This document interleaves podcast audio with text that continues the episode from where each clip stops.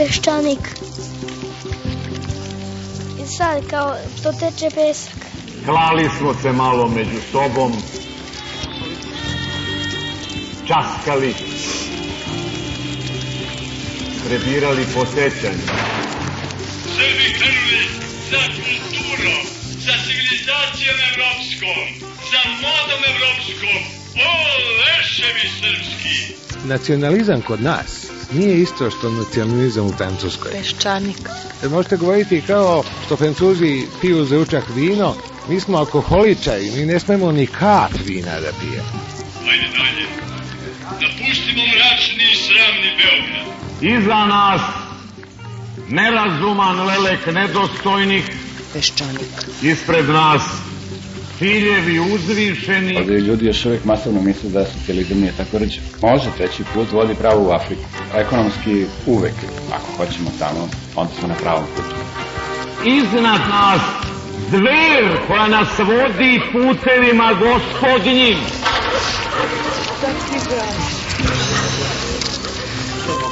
I da ne zatvorim oči. Peščanik. Ja mogu da zamislim Srbiju kao najdinamičniju zemlju na Balkanu i jednu košnicu sa malo trutova i puno radilica. Ako ne uspemo, niko nam neće biti kriv. Dugo smo, dugo još putovali. Dakle, mi smo izgubili 5. oktobar, da tako kažem. Nepredviđeno. Na televiziji vidim da se i rezultat drugog svjetskog rata promenio. Ugleda smo u bistroj vodi naša lica. Prema tome, ja očekujem da će Srbija krenuti nešto novo tek kad pobedi Turke na Kosovo. Iznenada briznu smo u plaću. Peščanik.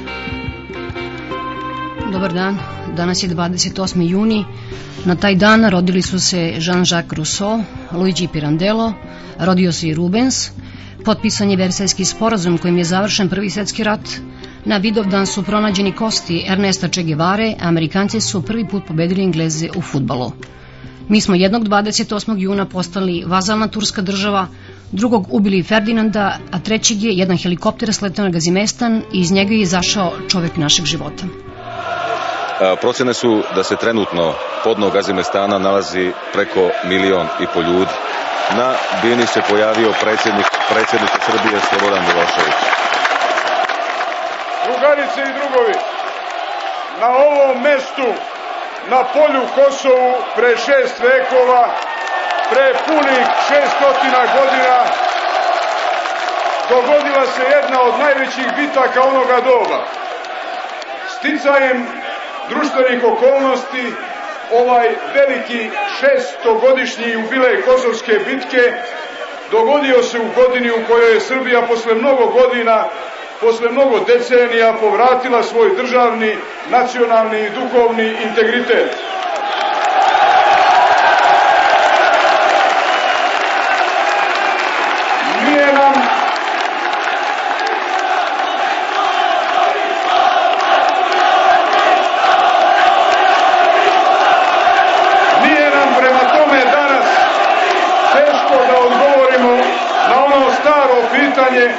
Sa čim ćemo pred Miloša.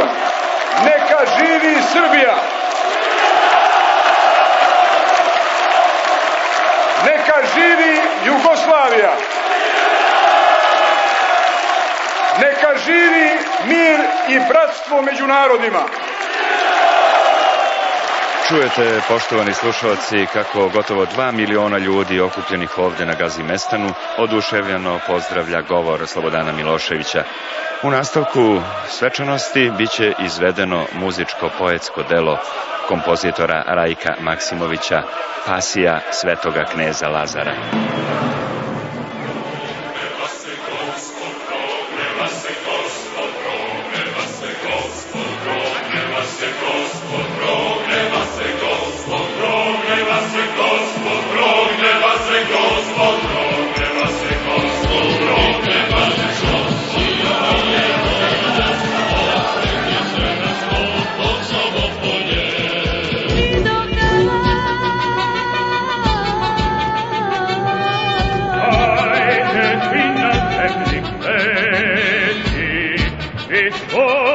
i to je mornik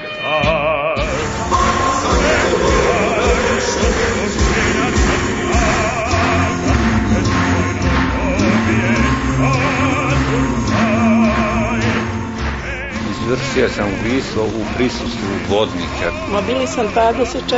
marta, baš na moj Moj brat je bio dobrovoljac. Gazi raketom, pogodi prosto ga upali na raskomadano unutra. Imenovan je za bio smrtonosne rane. Samo preko mene mrtva može da mi uzmu dete za Dala sam jedno, a drugo ne. Nikad. Video sam mu noge na kapetanovo sedište, da pomislio sam da je mrtav, ja sam izašao. Svi uhapšeni, kidnapovani ili streljani. Došlo je do smrti dobrovoljce. Neće kidnapovali tatu i ništa. On je poginuo na kući. Kovčeg je bio zatvoren. Moj je otac pre tri mesta kidnapovan. Nisu ni vršili obdukciju. Hotel je drugoga sina. Od čega je poginuo moj brat? Proletao mu je geler kroz čelo, izašao tamo negde na teme, ostao je mrtav. Naše komšije. Sve su pohapšeni, sve su poubijene. Ja sam recimo u situaciji da mi je žena i djete zakladno. Meni je brat poginuo i završeno. Ne bi tela da ponavljamo na Brechtova pesmu o tome da su sinoć odveli jednoga pa mi nismo ništa znali pa su odveli drugog pa na kraju nije bilo nikog da pita kad su nas odveli.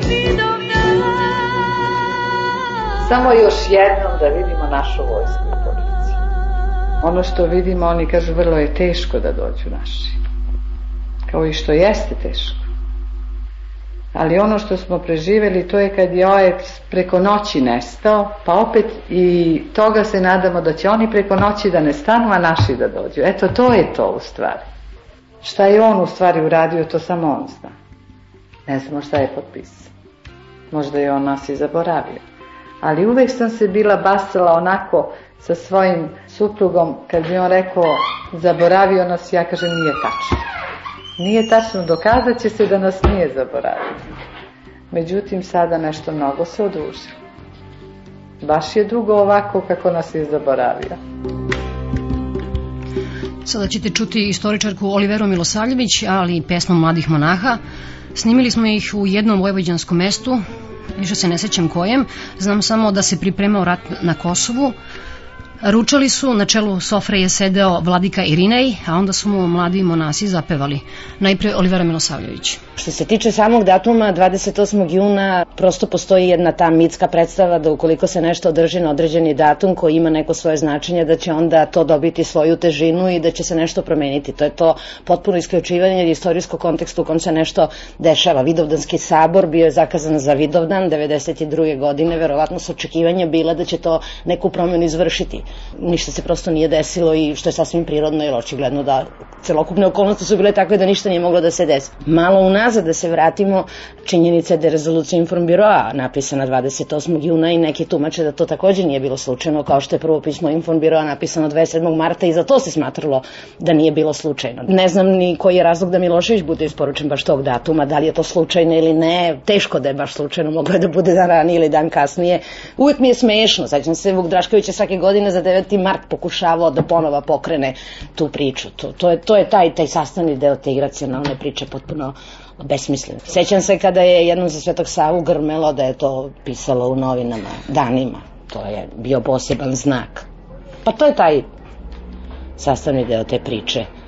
Traženje nekih znakova sa neba koji treba da da pokažu da će nešto krucijalno da se desi. Car je turski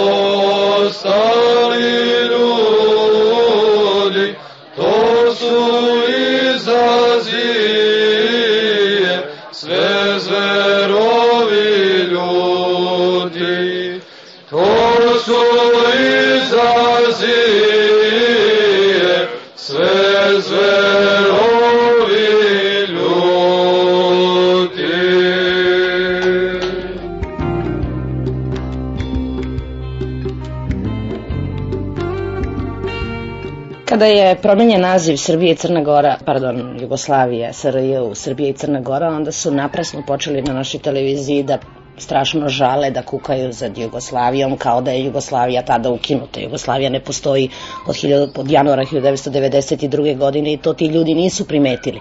Moram da kažem da meni taj žal, taj kvazi žal za kvazi Jugoslavijom ili Jugoslavija, kažem, 10 godina već nije predstavlja, njima je žao imena. Moglo je da bude krvavih ratova, mogli su ljudi da se ubijaju, oni to nisu primetili, ali su primetili kada nema od jedan puta imena.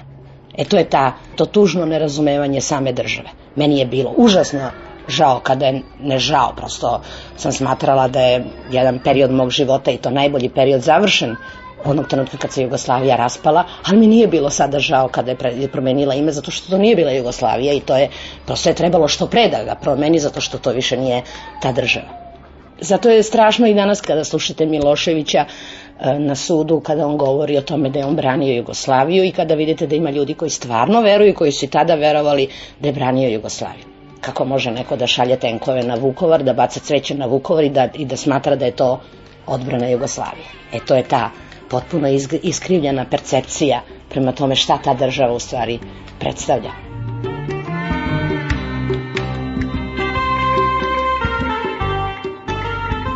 Nema kontinuiteta te vrste da sada vi imate, ne znam, Srbe u petom veku, pa Srbe u 15. veku, pa Srbe u 21. veku, pa je to jedno te isto. Nemate Francuza u petom, pa u 15. pa u 21. pa je to jedno te isto. To su procesi menjanja, procesi koji sasvim imaju svoj određeni tok i nema te vrste nasilja. Ja ne znam koji je to narod izumro. I drugo, da li to što se nečije ime održava, da li to znači kontinuitet? Ne znači, naravno. Mislim, to je besmislene, besmislene potpuno teze. Neka uzme prosječan Srbin Dušanov zakonik i neka proba da ga pročita, neće ga razumeti. Neka uzme Dositeja Obradović i neka proba da ga pročita, neće ga razumeti. Ta priča o izumiranju, to je potpuno absurdna i besmislena priča te vrste e, žala su uvek samo izgovori, naravno. Izgovor zašto? Pa izgovor za suprotstavljanje promeni, za, za statičnošću, za, za očuvanjem neke pseudo tradicije, za suprotstavljanje da se malo krene napred i da se malo bude bliže civilizovanom svetu. Pre nego što Olivera nastavi da čujete šta nam je u poslednjem intervju rekao gospodin Slobodan Inić. Umro je pre tri godine, u junu, ne dočekavši da vidi pad Miloševića. Srbi se moraju emancipirati od srpstva Mi se moramo emancipirati od onog sadržaja srpstva, gdje mi egzistiramo kroz prošlost. Kako ćete proći vi s tim sadržajem u savremenosti? Naprimjer, šta ćete uraditi sa Hilandarom? Ništa. Sa tim svim nekakvim spomenicima? Ništa. Sa tim crkvama? Ništa. Vi s time ne možete osvojiti modernitet. Srbi moraju da traže novi identitet ne možemo u etničkom smislu sve svesti na srpstvo, ajmo da pokušamo da napravimo neku vrstu političke Srbije. E to je, razumije se, jedan težak posao, jer mi ne možemo da odvojimo politiku od našeg etničkog bića. Ako je naše srpstvo to što se nama nudi, od kneza Lazara Hrebeljanovića, preko sviti crkava, spomenika Hilandara i tako dalje, onda smo mi naprosto ostatak nekog naroda iz prošlosti. To je mnogo ozbiljna stvar. Onda zapravo mi u savremenom smislu kao narod ne postojimo. U političkom smislu konsekvence da nas nema.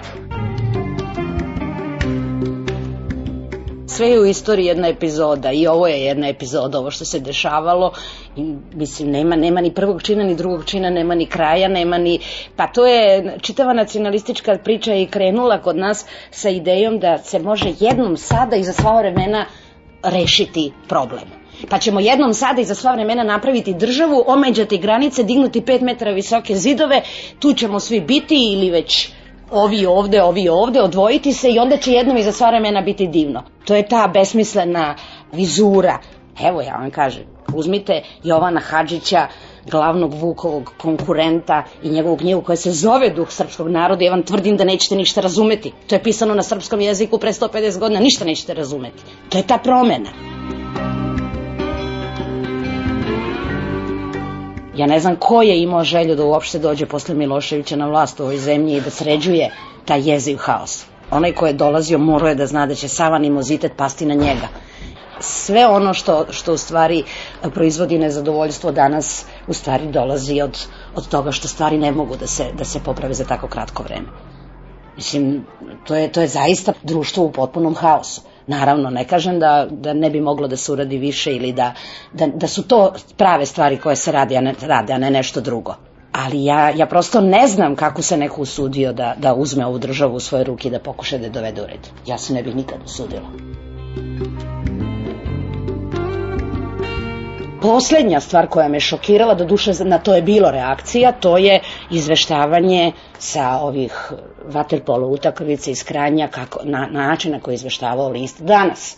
Dakle, jedini list koji možete da čitate, gde ste mogli da pročitate kako su to bili o tim huliganima, naravno tamo je reč, ali nije bitno da li su oni huligani, oni to jesu, bitno je da je u tim, iz, u tim izveštajima pisalo da njih vaspitava njihova štampa, da mrze Srbe i sve što je srpsko, Dakle, to u trenutku kada Hrvatska ukida za nas vize i kada pokušavaju da se između naše i hrvatske vlasti da se uspostave neki koliko toliko normalni odnosi, u danasu vi možete da čitate jedan tekst kak, otprilike način pisanja je način na koji se pisalo u najstrašnijim godinama pred rat i u vreme prvih godina rata. Otkuda baš sada da se ponova javlja taj način pisanja, ja ne mogu da ne verujem da to nije u direktnoj vezi sa pokušajem uspostavljanja normalnih odnosa. Ovde nekome ne odgovara da se živi normalno i da se uspostave normalni odnosi, kao što je početkom 90-ih bilo nekim ljudima u interesu da se podignu ogromni zidovi između nas i svih okolo. Postoje određene grupe kojima odgovara da se ovde živi u potpunoj izolaciji, jer onda naravno kada živite izolovano, kada stvarate omladinu koja ne zna ništa, koja nema mogućnost da vidi ništa, koja nema mogućnost da se druži ni sa kim, onda dobijete jedno klaustrofobično društvo kojem, u kojem možete da radite šta hoćete. To je prošlo, u danas i to nije jedan dan, to je tri dana uza stopce. Ja nisam mogla da verujem. Ja sam isekla jedno čuvan tamo, ja skupljam te stvari. Šokantno. Mene ne, ne šokira da tako jedna novinarka napiše tako nešto. Mene šokira da to urednik pusti a da ne pročita ili ako pročita, ako to smatra normalnim, onda, onda sam zaista šokiran da ne znam više šta da čitam. Ne čitam glas, zbog toga politiku ne čitam već 15 godina, ako ne mogu danas da čitam, onda više nemam novinja da čitam.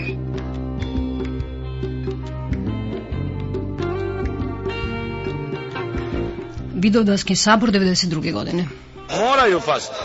Narod treba okupiti zbog ovoga što će stvarno doći do neke eskalacije tih stranih sila, bre, bit će ovo bombardovano. Ja sam u Čačku, ja sam pri Jelici planini, ja tamo i ne sumnjam da će štali. Ja smatram da ovo ne treba da se poruše ove lepota, bre, ove veko ima građane. Molim časne sestre iz svetog manastira Ćelije da idu prve i za njih će ići prvaci Deposa.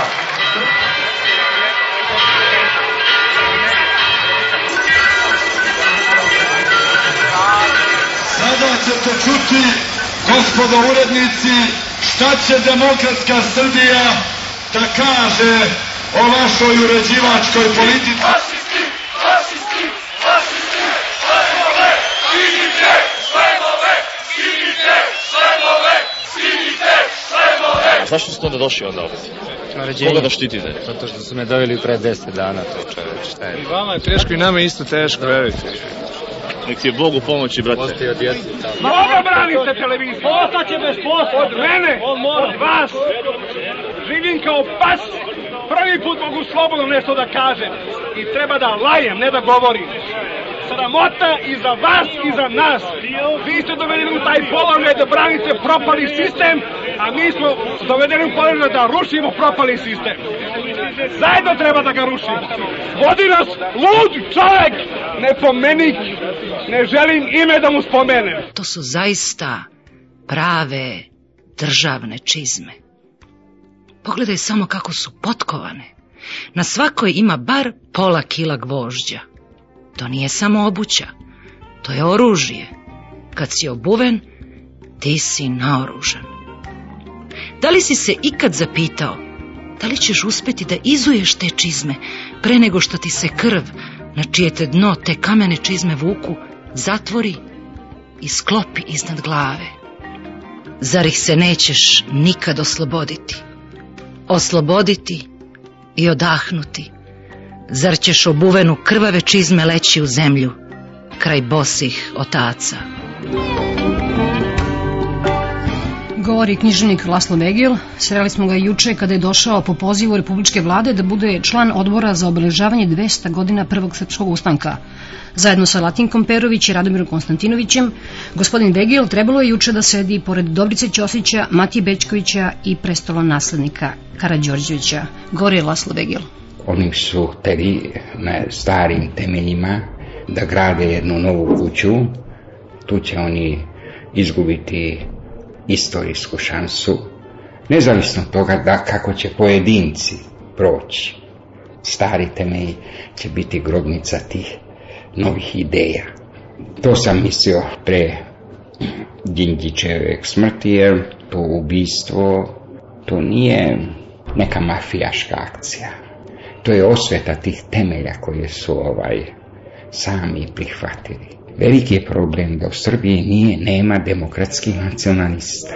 Ja ne mislim da je to idealno i dobro rešenje kao neko trajno rešenje, ali u jednom tranzicionom periodu je moguće demokratski nacionalizam i demokratski nacionalisti mogu da odigraju i delimično reformatorsku ulogu. Jer je bio? Da, on je odmah demantovao, nažalost. Jer, znate, demokratski nacionalizam on kaže moja nacija je tako plemenita, tako kulturna, da najviše ceni demokratiju. Demokratski nacionalizam nikad ne kaže da nacionalizam i demokratija na istoj ravni ili da e, interes nacije je veći od demokratije. Demokratski nacionalizam uvijek kaže upravo da bi veličao svoju naciju, on kaže moja nacija je toliko velika da ceni više demokratiju nego neke svoje uske nacionalne interese.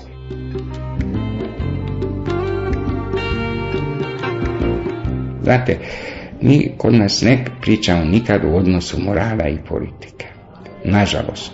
I pokojni predsjednik je rekao da ako neko bavi se sa moralom, neka ide u crkvu. E, nije tako. Da bi privreda se razvija, mora da bude u društvu i kod onih koji imaju kapital da postoji jedan moralni minimum.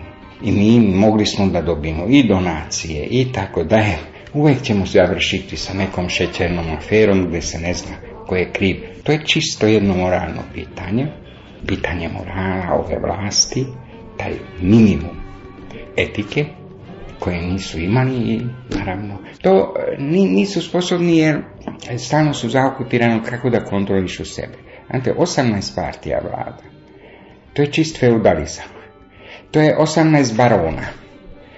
Naravno da tu demokratska stranka imaće najveću štetu.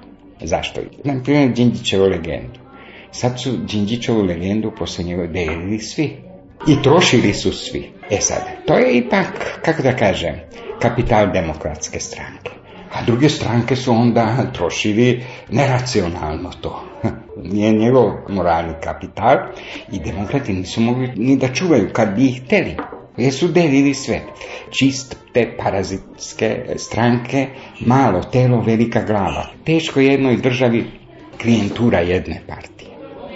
Ali kad to jedna država ne može da izdrži klijenture 18 partije. I taj haos ti 18 partija, oni sami proizvode haos. Mislim, organizovan haos, delom organizovan, a poslije on preuzima jednu spontanu ritmiku i, i poslije i pravce, ne možete još, ali on u osnovi jeste u izvoru, jeste organizovan haos koji proizvodi 17 ili 18 različite partije koje očajnički hoće nešto da spase od vlasti u novom izvornom periodu to je jedan čist parazitizam koje posle u društvu proizvodi i parazitski moral i u drugim stvarima. Ako može da bude neka parazitska partija, ne, zašto da ne budu parazitski slojevi, parazitske institucije i u civilnom i u državnom sektoru i tako da je parazitske medije. Vodi se diskusija o pinku. To je, to je u celini nenormalno.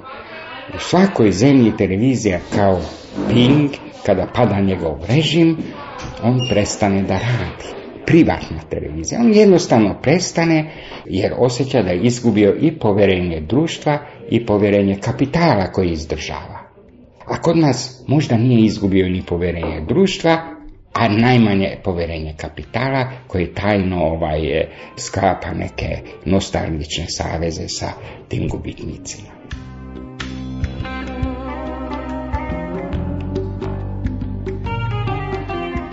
Prema liberalnoj ideji u Srbiji većina nove vlasti isto tako je bio negativno određen kao što Milošević. Prema tome, taj liberalizam, taj modernistički liberalizam, evropejski orijentisan, dan danas je jeretički i za vreme nove vlasti. Pink, to je paradigma filozofije nove vlasti. U ekonomiji najavljuje jedan veoma tvrd neoliberalizam, ali sa, kako da kažem, sa ratnim bogatašima. Pa to ne može tako. To ne bi trebalo možda tako tvrdi ekonomski liberalizam, a u politici biti antiliberalan, u zakonima ostati feudalnom, da ništa ne menjamo. Mislim, tu je taj izvor i haosa i njihovog i društva i tako da je jednostavno to sve blokira. Sada ja mislim da je već dosta kasno. Kasno je. Umjesto izlaska Da. iz najtežeg dela Da. tranzicije, mi ubijamo premijera. Čovjek Jeste, koji je bio nosilac, jeste, ma da. kakva reforma da je to Da. bilo. E, Tu, ima, tu stvari nema popravnog ispita ili ima? Nema, nema. Ja mislim da nema, e, e, nažalost moram da kažem, da imat ćemo neki ispit, to su izbori. Ne vjerujem da će to biti popravni ispit, nego ispit koji nećemo položiti.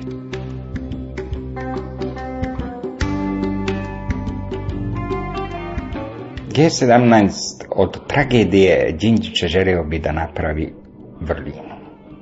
To je njihov najveći problem. Njihov program što su sastavili e, 2000. godine, znate, moto je Velimirović. Nikolaj Velimirović. A iza motoa gospođa Tačer. To je malo, malo je neozbiljno, ali jeste, oni su napravili politički program od šizofrenije. Oni imaju jednu ideologiju i jednu drugu privredu. G17 sad liči na jednu biciklu koji ima osam točaka i dva pedala. E sad, ta jedna noga bi trebalo pedal da gura i napred, a i nazad. To je e, nešto za muzej. Nešto za muzej. I, ali oni imaju jednu prednost, da su nove. Ljudima, očito, oni sad imaju jednu sumnju sve što je staro. A staro je sve do današnjeg dana. Svejedno na desnici, levici, samo da bude novo. Uvijek ima jedna iluzija da će doći jedan, neka čarobna nova elita koja će razrešiti bez konflikata sve. Ljudi o tome podsvesno sanjaju.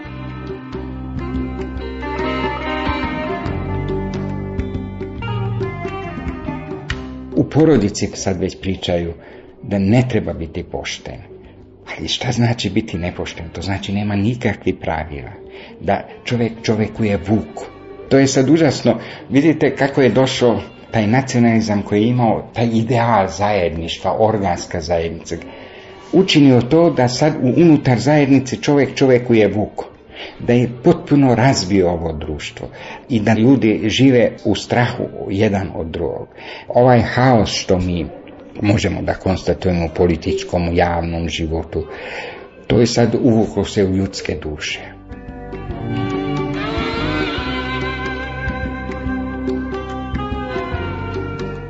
Ja pretpostavljam da posle izbora će se formirati u društvu jedna nova opozicija koja će ili naterati faktičnu vlast da napravi velike kompromise ili će na sljedećim izborima ona preuzeti vlast. Ta nova opozicija. Generacijski mislim. Verujte da oni koji su sad 17, 18, 19, 20 godina, koji će morati da ispaštaju za sve grehove starije generacije, oni će se pobuniti protiv te starije generacije. Više neće moći da ispaštaju. Jednostavno bit će fizički nemoguće. A više ne, ne može ni gde da se beži. Znate, šengenske zavese su veoma lukave, nežne, ali i radikalne. Osuđeni su na Srbiju. Generacija 20, današnjih 20. godišnjaka treba da nadoknadi sve što je propustio tri generacije unazad, a da snosi posljedice ogromnih grešaka tri generacije. Pa to je jedna najtragičnija generacija za 200 godina u Srbiji.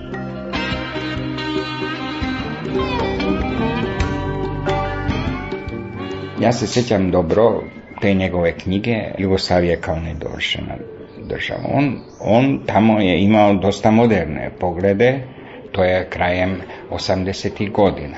I u Novom Sadu izdavač mene je potražio da promovišem, a poslije je ispalo da mnogi ugledni ljudi nisu smeli da promovišu Đinđićovu knjigu.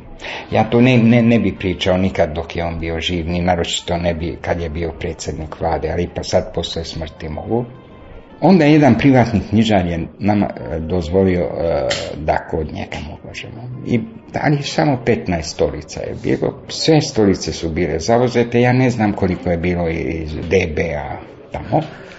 Đinđić je došao sa malom torbom, ja sam zaista, mene, meni je ona knjiga, je, mogo sam da govorim o jednom modernom evropskom misliocu i tu nema spora, Đinđić jeste to, ako čovjek gleda onu knjigu.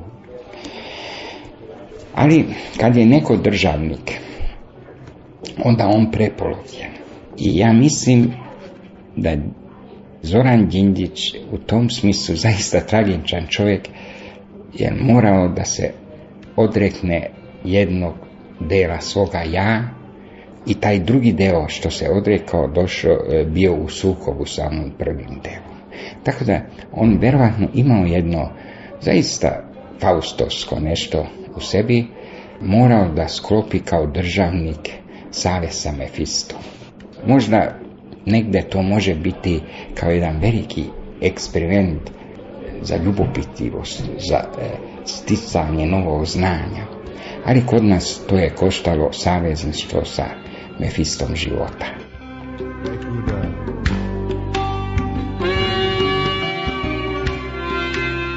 Ovom prilikom bih hteo da vas obavestim da je bivši predsjednik Savezne Republike Jugoslavije Slobodan Milošević predat organima Međunarodnog tribunala za krivična dela u Hagu. Saradnja sa Haškim tribunalom, svakako nužna, svedena je na puko izručivanje optuženih, bez ikakve zaštite građana i konačno zaštite interesa same države. Kao da se nekome ovde, a ne nekome s polja, žurilo da što pre ispuni ko zna kada, kako i od koga preuzetu obavezu. Na današnji Vidovdan Zoran Čičić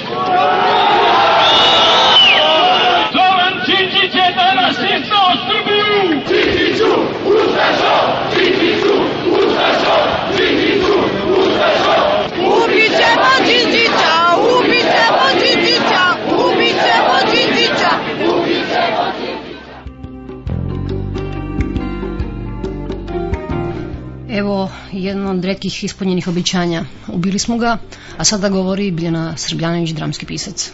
Ja sam se stvarno trudila, nešto sam stvarno odlučila kao dekretom sam se probudila nakon tog ubistva i, i kad se sve to izdogađalo, ja sam sad rekla, je dobro, mislim, ovo je sad stvarno ratno stanje, ovo je sad pravo ratno stanje i ja se sada svrstavam i ja odlučujem da se svrstam u ljude koji idu za tim sandukom i nekako, ono, na svaki mogući način da nekako kao, sad ja to doprinesem. Mislim, kad ne možeš, ne možeš, mislim, to jednostavno se užasno brzo opet osjećaš se kao totalna budala. Opet s druge strane imaš nešto ono, ja se stvarno negde osjećam odgovorni, mislim, možda su ti to u, ukljucari u glavu, to kad je Tito umro, pa kad kažeš, mislim, šta kažeš protiv bilo čega, rekao si protiv Tita. Tako i ovo nešto, mislim, imam neki utisak sad kako kažem nešto, da je to u stvari protiv, da se odmah svrstavam na ovu drugu Tijanić i banda struju. Mislim, i onda nekako ne mogu javno ništa da kažem, a onda me to ždera, osjećam se stvarno kao licemer, jer ne govorim u stvari stvarno šta mislim.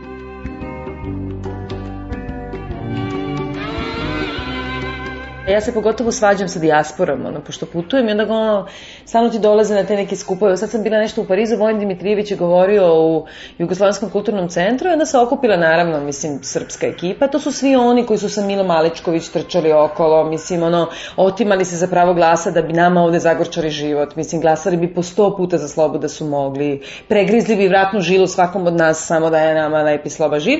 I sad su to ljudi koji ustaju da nam objasne u stvari kako je Koštunica genije i kako je...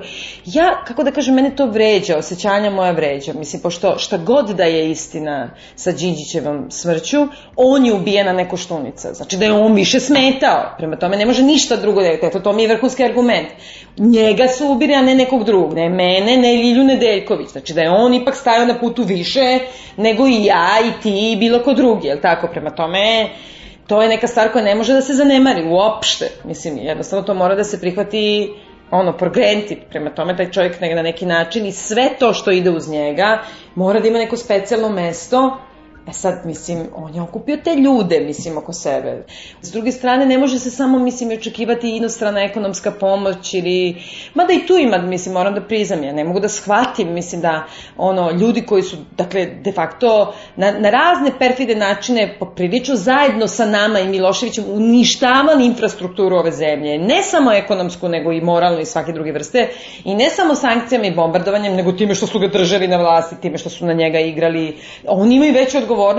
Ja naravno da očekujem da on sad sve plati. I ne mogu, stvarno, kad prolazi kne, o, kneza Miloša i vidim one, one barže postavljene ispred američke ambasade i ono zatvorene ulice i radove koje traju godinama, a preko puta vidimo ono srušeno, ja ne mogu to da uopšte sravnim. Mislim, ja mislim da je obaveza tog da ono tamo se popravi prvo, pa onda sebi ovo. Ne zbog toga što je to sad, mislim, on je mene bomba, nego pobednik je. E to očigledno nikog ne zanima, a mi na neki način imamo tu nekakvu spoljnu politiku koja je de facto verovatno dobra u praktičnom smislu. Ali s druge strane mislim da ne tražimo ono što nam pripada. Ne bi ga dobili verovatno, zato i ne tražimo, ali nekako bi se lakše osjećala kad bi to podrazumevalo baš to da je Šljivančanin uhapšen zato što je ubica i mora da završi u zatvoru, pa taman se ceo svet protivio tome, uključujući tu Ameriku sa sve svojim paricama, Mislim, to mi je mnogo važnije nego da sad to bude uslovljena neka mizerna ekonomska pomoć i to maltretiranje i šta ja znam. Mene to ljuti užasno i ta evropska zajednica, mislim, zato što je to ono koga više voliš tatu ili mamu. To je direktno to, to je sad merenje, naš ono, lju, ljubov mer, mislim, to nema nikakve veze ni sa čim. Pošto taman mi potpisali, ne potpisali, sigurno odavde nijedan američki vojnik nikad neće biti isporučen ničemu. Evo sad svi navode taj privet. U Italiji oborio čovek, Ashley se zove, znači 20 ljudi onom funikularu. Leteo je, bila je dozvoljena minimalna visina letenja je 900 metara, on je leteo 300 lupirao sa avionom, oborio, pobio ljude. Ne samo da mu nije suđeno u Italiji, nego mu je suđeno tamo, pred vojnim sudom koje je bilo mirnodopsko vreme, znači nema nikakve, i apsolutno je oslobođen. Mislim, ja sam gledala nešto na internetu, slike tih ljudi, familija, tih ljudi koji su pobjedni. Izlaze ljudi potpuno devastirani, ne mogu da veruju, mislim, to je ono kao za vreme, potpuno deluje kao neki staljinistički proces. Prema tome mi potpisali, ne potpisali, isto se vata. Oni sigurno neće biti isporučeni, neće im biti suđeno, a mislim da apsolutno ne smemo da potpišemo takvu stvar, ali isto tako moramo da damo do znanja Evropskoj uniji, da nas malo ostavi na miru sa tim pritiscima i da malo to koja je stara Evropa, koja je nova Evropa, malo stave prst na čelo pa se sete Jalte, pa se sete uopšte kraja drugog svetskog rata i ko je razdelio tu Evropu i ko je na poklon dao kao poklončić lepo upakovan dao Stalinu tu takozvanu novu Evropu i tako dalje i ko je mislim uopšte u krajnjem slučaju samo od sebe se iščupao iz toga. Mislim, prosto tako što je imao jednog potplaćenog sovjetskog predsednika i to govori o nama, jel da dosta, ali kako da kažem, ipak samo od sebe nekako. Mislim, to me užasno nervira, to, to teljenje packi, čitanje lekcije, sad će meni Italija da čita neku lekciju sa Berlusconi. Mislim, kad bude naučio gramatički pravilno da se izražava, mislim, ja mislim da ja pravilnije govorim italijanski od njega. Mislim, kad bude naučio da govori kako treba i kad, mislim, ono, to je kao Karić tamo, kad bi bio predsednik, pa sad e, drži vakelu nekome.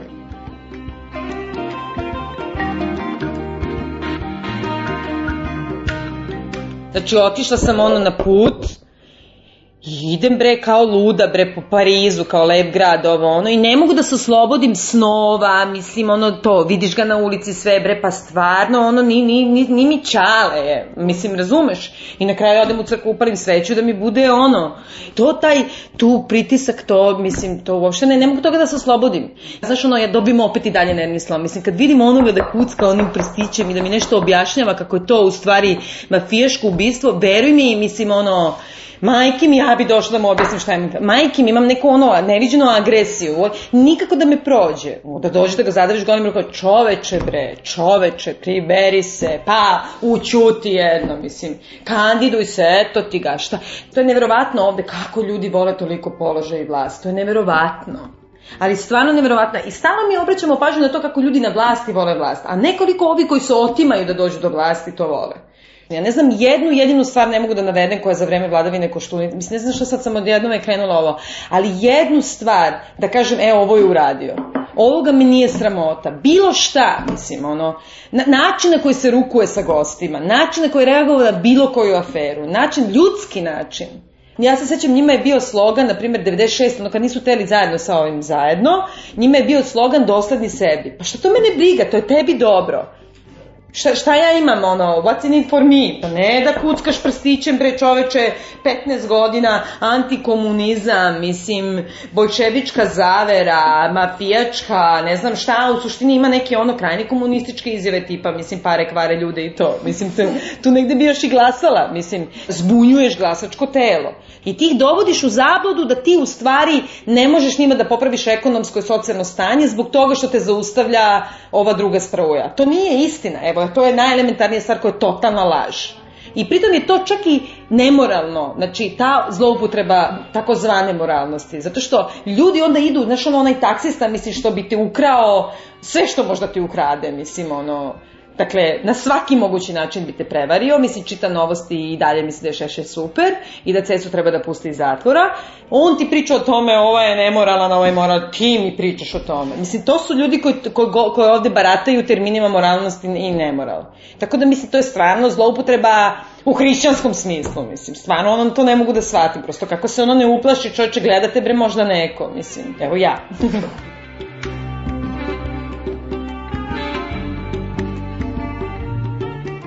ja sam shvatila tu celu priču od, još od 5. oktobra, da je Čeda naš naš čovek, znači čovek nove vlasti, koji se bavi najprljavijim poslovima, znači DB-om, kontaktima sa kriminalcima, kao i svaki, mislim, DB na svetu, pretpo CIA. Ja prosto ne bi to da znam. Ja znam da to postoji u svakoj državi na svetu i da to je potpuno normalno. Krajna slučaja sama Bin Laden je, na primer, primer toga, koji je bio vojnik cije dok se nije okrenuo protiv njih. Prema tome to, znači, Legija, Osama, meni to užasno liči. To je, mislim, to se dešava jednostavno. Ne vidim, prosto je to tako. E, on je očigledno čovek bio zadužen za to i očigledno je, kako da kažem, na hiljadu načina upravljanja. Ne znam zašto sada kada već su te kao oslobođen čuvanja državne tajne, ono oni ne objave da je on čovjek prosto bio, mislim, zadužen da ide da se vuče sa kriminalcima, mislim, i da prosto bude ta neka veza. I ne znam zašto se ne navedu primjeri iz ostalih država kad se to takođe radi. Ali isto tako mislim da ne može da bude potpredsednik vlade. Jednostavno ne može. Možda bude sve drugo. Tajni agent 0 75 i neću da znam za njega. I onog momenta kad, kad provalim, kako ti kažem, završili smo karijeru. Nije mi jasno zašto te ljude ne puste.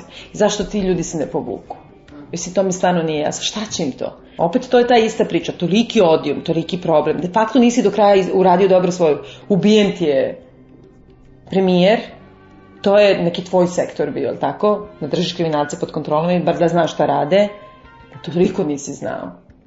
Meni on kolega i on je veoma inteligentan, zanimljiv čovek, negde misli da je čovek e, neke ideje veoma jasne, čvrste i tako dalje, znači nije ono neka korumpirana budala, mislim, koja se lepi za korist. Znači, imam veoma visoko mišljenje o njemu, ali jednostavno mislim da ovu fazu, kako kažem, ovaj film ti je propao, povuci se. Ponovo su u jajima, kamenicama i drugim predmetima gađali zgrade radiotelevizije Srbije i politike. Pa naravno jaja, naravno i sutra. Dole jajare! Živela Srbija!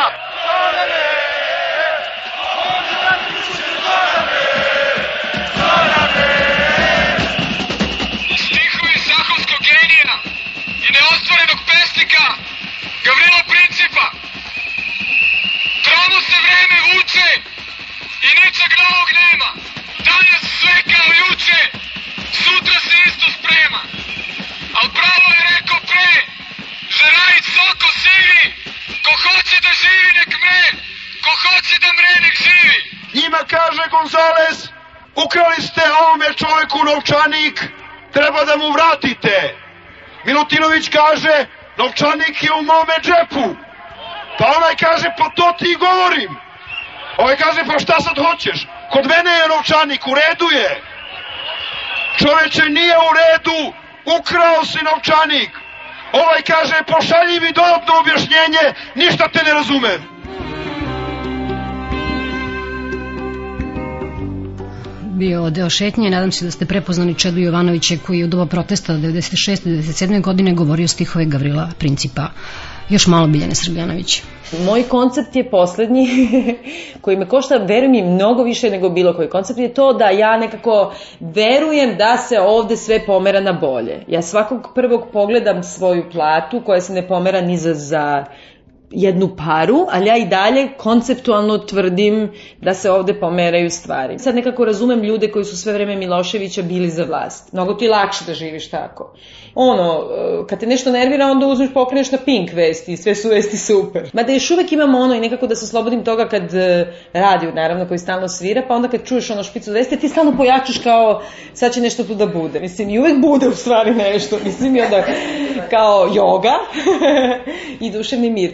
Nisam ja budala, ja odlično znam šta se tu dešava, jednostavno lakše mi, ne znam odlično, ali kapiram da, mislim, ništa nije dobro. I ne da nije dobro, nego da je, mislim, ono, raspad sistema. Ali negde, mislim, ono kad pogledam tu facu tog Živkovića, on mi nešto užasno simpatičan, pa mi lakše kao da sad kažem, dobro, čekaj samo još malo, ajde dajmo još malo šanse, ajde sada da vidimo možda ipak tu nešto stvarno bude. Ali mislim da me nećeš dugo držati to, pošto mislim u jednom trenutku stvarno ono, pukne ti i najmanji neki, e sad šta ti možeš? Možeš da se aktiviraš, što ja mislim da više nikad neću, ni na koji način, pošto sam potrošila svoju želju za aktivizmom za do kraja života, ja mislim. Nemam nikakve snage želje, jer sam svaki put nisam bila u pravu. Ja sam dakle bila aktivista za ovo. To DS je bila nekako i GSS, ali DS de facto, Đinđić, znači ne bilo ko drugi, nego stvarno, nije me sramota da kažem, mislim malo možda jeste, ali I sad negde i to i moja odgovornost. Ajde da kažemo, ko ovi Ameri što su pobedili u ratu pa moraju da mi plate e, kneza Miloša, tako ja delim tu neku odgovornost. Ja sam bre trubila toliko bre samo za to. I sad odjednom je to došlo, ja da kažem, ha, u stvari ja nisam bila za to. Ma jesam. A to se de facto pokazuje kao ne baš sasvim tačno i mislim da će do septembra dosta da se pokaže kao veoma problematično. Mislim da ja ne bi imala više nikakvu odgovornost, ne, prosto pravo moralno da bilo kome bilo šta više solim. Vreme je da ja takođe dam ostavku na sobstveni aktivizam. Mislim, i da kažem ljudi, ispala sam stvarno glupa u društvu. Mora da bude, da se prosto to nešto nekako u drugom nekom smeru krene. Mora da, da nema neki čovjek sa manšetnama, mislim, koji ti drži predavanje o tome kako mediji treba da funkcionišu, a da ti, kako ti kažem, mislim, ne uzeš i ne lupiš u šamar.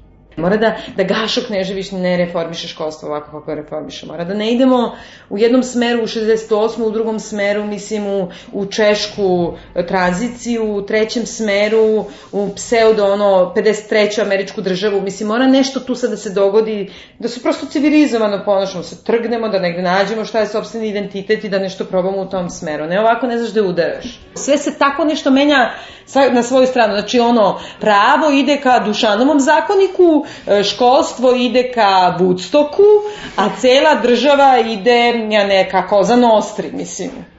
Sve zajedno, daj se selimo. Zašto bi sve bilo prema mom merilu? Pa neka bude prema merilu Dragana Palme. Pa nek dođu ti stari ljudi.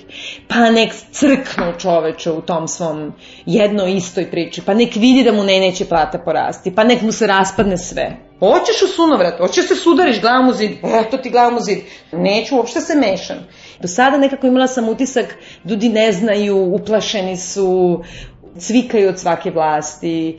Jednostavno, u mentalitetu je da se priklanjaju vlasti i da se boje. I ti ste kao, imao si neku uh, misiju kao malo imaš više hrabrosti nekog drugog ili šta ja znam, pa onda nekako ti to vučeš. Sve kad smo došli do toga da nikome ne igra glava na ramenima, osim ovom sirotom čoveku koji je ubijen, pa ne igra glava na ramenima čak ni ubici čak ni njegov život nije u opasnosti, eto ga negde na Kajmanskim ostravima u lakira nokte, radi šta hoće. Znači, nikome ne, nije ono, glava u opasnosti, eto vas, na nuli smo, kako padne. Mislim, koga izaberete, važi, ne bunim se, čekaću da zeleni dođu, da se osnuju. A ja ih neću osnivati. Možda.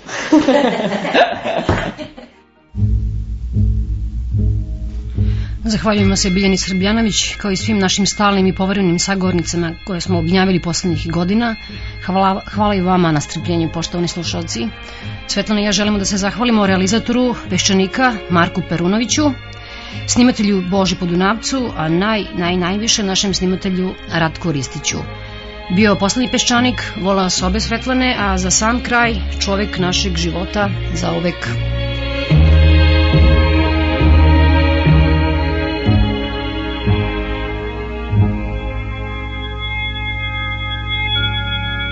Bye bye life. Bye bye happiness. Hello loneliness. I think I'm gonna die.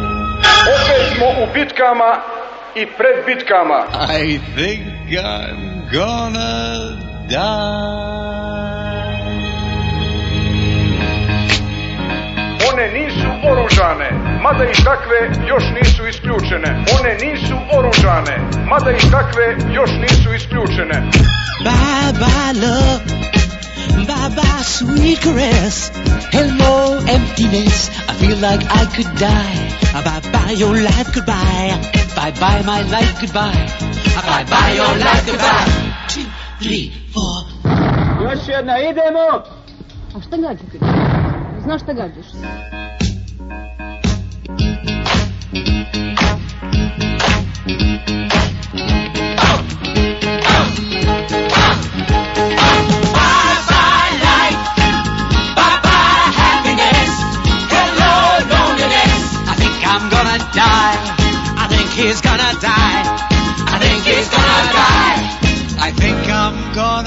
Morate da shvatite jedno. Ovaj narod nikad neće prihvatiti ropstvo.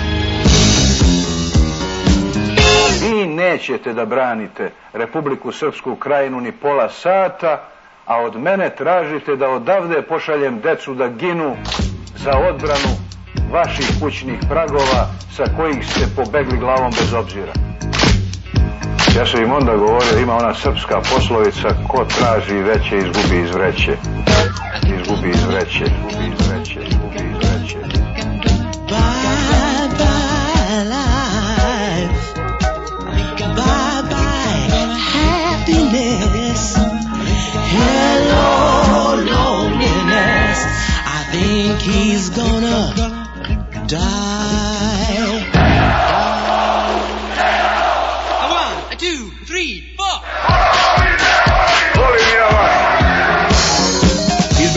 Deca su naišla na širom otvorna sva školska vrata u Srbiji.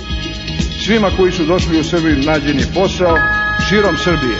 Već čitavu deceniju gradi se veliki broj veoma komfornih i modernih stanova za izbeglice. Od 87. 8. do 97. godine. Niko na Kosovu nije ubijen, niko na Kosovu nije ubijen, niko na Kosovu.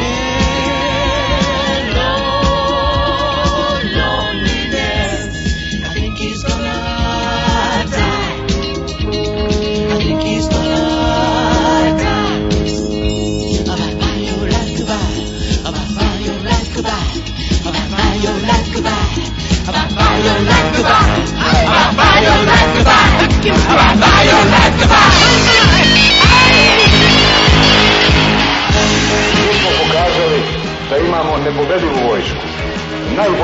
Vojsku na svetu. Zato što je narod bio vojska i zato što je vojska bila narod.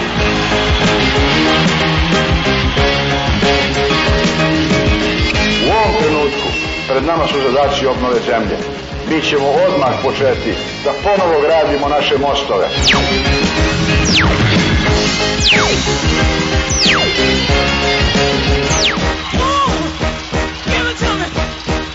Ura uranijumske bombe, kompjuterske intrige, drogirane mlade ubice i potlačene i mučenje domicilne starije.